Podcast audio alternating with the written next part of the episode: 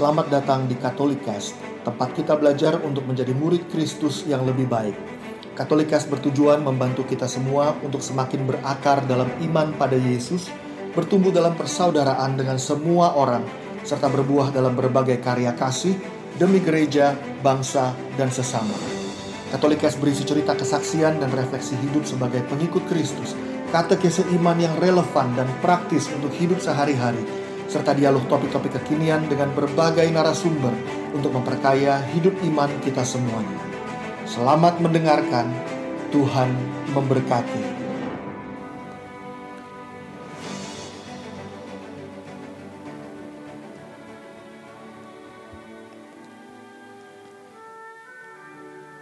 Kita berjumpa lagi hari ini untuk refleksi bacaan hari Minggu 11 Oktober 2020. Saya akan bacakan bacaan-bacaannya. Bacaan pertama diambil dari Yesaya bab 25 ayat 6 sampai 10a. Di Gunung Sion Tuhan semesta alam akan menghidangkan bagi segala bangsa suatu jamuan dengan masakan mewah, suatu jamuan dengan anggur yang tua benar, suatu jamuan dengan lemak dan sumsum dan dengan anggur tua yang disaring endapannya dan di atas gunung ini Tuhan akan mengoyakkan kain kabung yang diselubungkan kepada segala suku dan tudung yang ditudungkan kepada segala bangsa. Tuhan Allah akan meniadakan maut untuk seterusnya, dan Ia menghapuskan air mata dari wajah semua orang. Aib umatnya akan Ia jauhkan dari seluruh bumi, sebab Tuhan telah mengatakannya. Pada waktu itu orang akan berkata, Sesungguhnya inilah Allah kita yang kita nanti-nantikan supaya menyelamatkan kita. Inilah Tuhan yang kita nanti-nantikan. Marilah kita bersorak-sorai dan bersuka cita karena keselamatan yang diadakannya. Sebab tangan Tuhan akan melindungi gunung ini. Bacaan yang kedua diambil dari Filipi bab 4 ayat 12 sampai 14 dan 19 sampai 20. Saudara-saudara, aku tahu apa itu kekurangan dan aku pun tahu apa itu kelimpahan. Dalam segala hal dan dalam segala perkara tidak ada sesuatu yang merupakan rahasia bagiku, baik dalam hal kenyang maupun dalam hal kelaparan baik dalam hal kelimpahan maupun dalam hal kekurangan. Segala perkara dapat kutanggung dalam Dia yang memberi kekuatan kepadaku. Namun, baik juga perbuatanmu bahwa kamu telah mengambil bagian dalam kesusahanku. Allahku akan memenuhi segala keperluanmu menurut kekayaan dan kemuliaannya dalam Kristus Yesus. Dimuliakanlah Allah dan Bapa kita selama-lamanya. Amin. Bacaan Injil diambil dari Matius bab 22 ayat 1 sampai 14.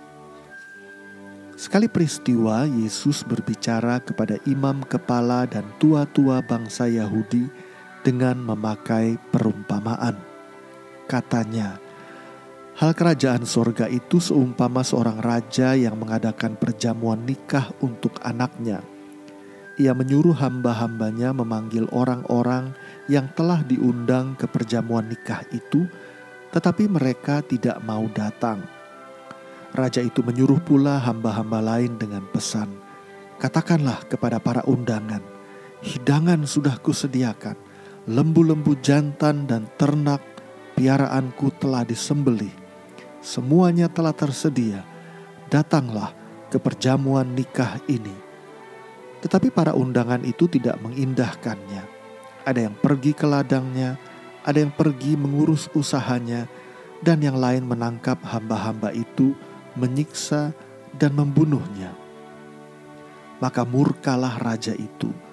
Ia lalu menyuruh pasukannya ke sana untuk membinasakan pembunuh-pembunuh itu dan membakar kota mereka. Kemudian ia berkata kepada hamba-hambanya, "Perjamuan nikah telah tersedia, tetapi yang diundang tidak layak untuk itu.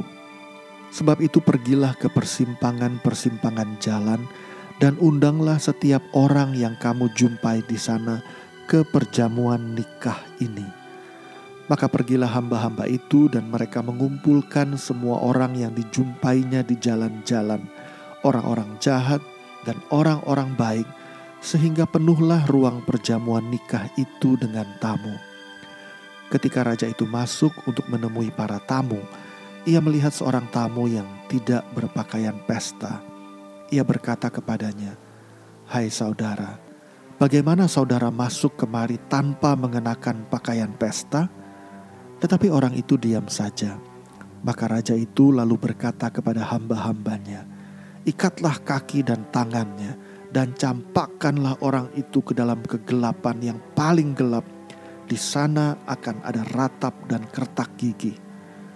Sebab banyak yang dipanggil, tetapi sedikitlah yang dipilih. Sahabat-sahabat semuanya, hari ini saya mau mengajak kita semua untuk merefleksikan bacaan-bacaan ini dengan melihat tiga jenis orang, tiga jenis cara kita menanggapi undangan Tuhan di dalam hidup ini. Yesus dalam perumpamaannya bercerita tentang seorang raja yang mengadakan perjamuan nikah untuk anaknya, lalu mengundang orang-orang banyak untuk datang. Ini adalah undangan bagi kita semua untuk datang ke perjamuan anak domba di akhir zaman nanti pada saat kita hidup kekal. Undangan untuk menikmati hidup kekal bersama Tuhan di surga. Undangan ini adalah undangan ke sebuah pesta yang begitu mewah kata Yesaya, tapi juga sebuah undangan agar kita mengalami hati yang sungguh-sungguh dipuaskan. Santo Yohanes Vianney mengatakan bahwa Allah memberikan kerinduan di dalam hati kita yang begitu kuat, yang mana kerinduan itu hanya bisa dipenuhi oleh surga. Kenapa? Karena Allah di surga itulah sumber segala macam yang bisa memuaskan hati kita. Damai, sukacita, sejahtera hanya ada di dalam Tuhan. Maka hanya Tuhanlah yang menjadi pemuas apa pun kerinduan hati kita di dunia hari ini. Nah, orang-orang diundang untuk datang ke pesta ini, tetapi ada orang-orang yang gak mau. Maka ini jenis yang pertama, kata Yesus dalam perumpamaannya, orang-orang yang diundang untuk berelasi hidup di dalam Tuhan ini gak mau datang dengan alasan aku harus pergi ke ladang, aku harus mengurus usahaku, Artinya ada aja orang yang gak mau diundang untuk hidup di dalam Tuhan, berelasi dengan Tuhan karena alasannya sibuk pekerjaan, sibuk cari uang, sibuk dagang, atau sibuk karir, atau sibuk dengan apa pun yang menurutku lebih penting daripada Tuhan sehingga menolak undangan Tuhan. Padahal hanya di dalam Tuhan dia menemukan kepuasan itu maka orang-orang ini dibinasakan oleh Tuhan. Artinya di dalam pekerjaan, usaha dan apa pun yang di luar Tuhan, orang tidak akan menemukan kepenuhan hidupnya. Jenis yang kedua adalah orang yang diundang lalu datang tetapi tidak mengenakan pakaian pesta. Maka raja itu bilang, "Bagaimana mungkin kamu datang tanpa pakaian pesta?" Orang-orang ini lalu juga diusir lalu juga dilempar ke tempat yang paling gelap. Orang-orang ini adalah orang yang ceritanya mau ikut Tuhan, tetapi tidak menghormati Tuhan. Dia hanya mau datang karena pesta. Dia hanya mau datang karena dia akan dapat berkat. Ada orang yang ikut Tuhan, menanggapi panggilan Tuhan hanya demi berkat, hanya demi kenyang, tetapi tidak mau hidup benar di dalam Tuhan. Orang-orang ini juga tidak menemukan kepuasan, kepenuhan di dalam Tuhan, karena mereka juga akan dibinasakan. Namun ada tipe yang ketiga, jenis yang ketiga, yaitu yang seperti Paulus. Pada bacaan kedua, Paulus mengatakan bahwa dia itu tahu apa artinya kekurangan, apa artinya kelimpahan, apa artinya kenyang, apa artinya lapar, dan dia bilang, "Di dalam Dia aku dapat menanggung segala perkara." Artinya, walaupun ada pergumulan, ada perjuangan, Paulus tetap memilih untuk ikut Tuhan. Bahkan dia bilang, Allahku akan memenuhi segala keperluanmu menurut kekayaan dan kemuliaannya. Dia mengajak kita semuanya untuk hidup benar, menanggapi undangan Tuhan, berelasi dengan Tuhan, dan percaya sepenuhnya bahwa waktu kita ikut Tuhan, semua perkara dapat kita tanggung, dan semua kebutuhan kita akan dipenuhi oleh Tuhan, bukan hanya di dunia ini, bahkan di dunia yang akan datang. Maka tetaplah bekerja, tetaplah berusaha, tetapi jadikan Tuhan prioritas yang terutama di dalam hidup kita, karena hanya Tuhan yang sanggup memenuhi setiap kebutuhan kita, bahkan memuaskan kerinduan hati kita sampai kita hidup kekal bersama Dia. Terima kasih telah mendengarkan podcast ini. Jangan lupa untuk berbagi Katolikes kepada para sahabat dan kenalan kita, supaya semakin banyak orang mengenal kabar gembira Tuhan Yesus dan mengalami kasihnya yang memulihkan, menguatkan, dan memberkati. Sampai jumpa di episode Katolikes yang lain.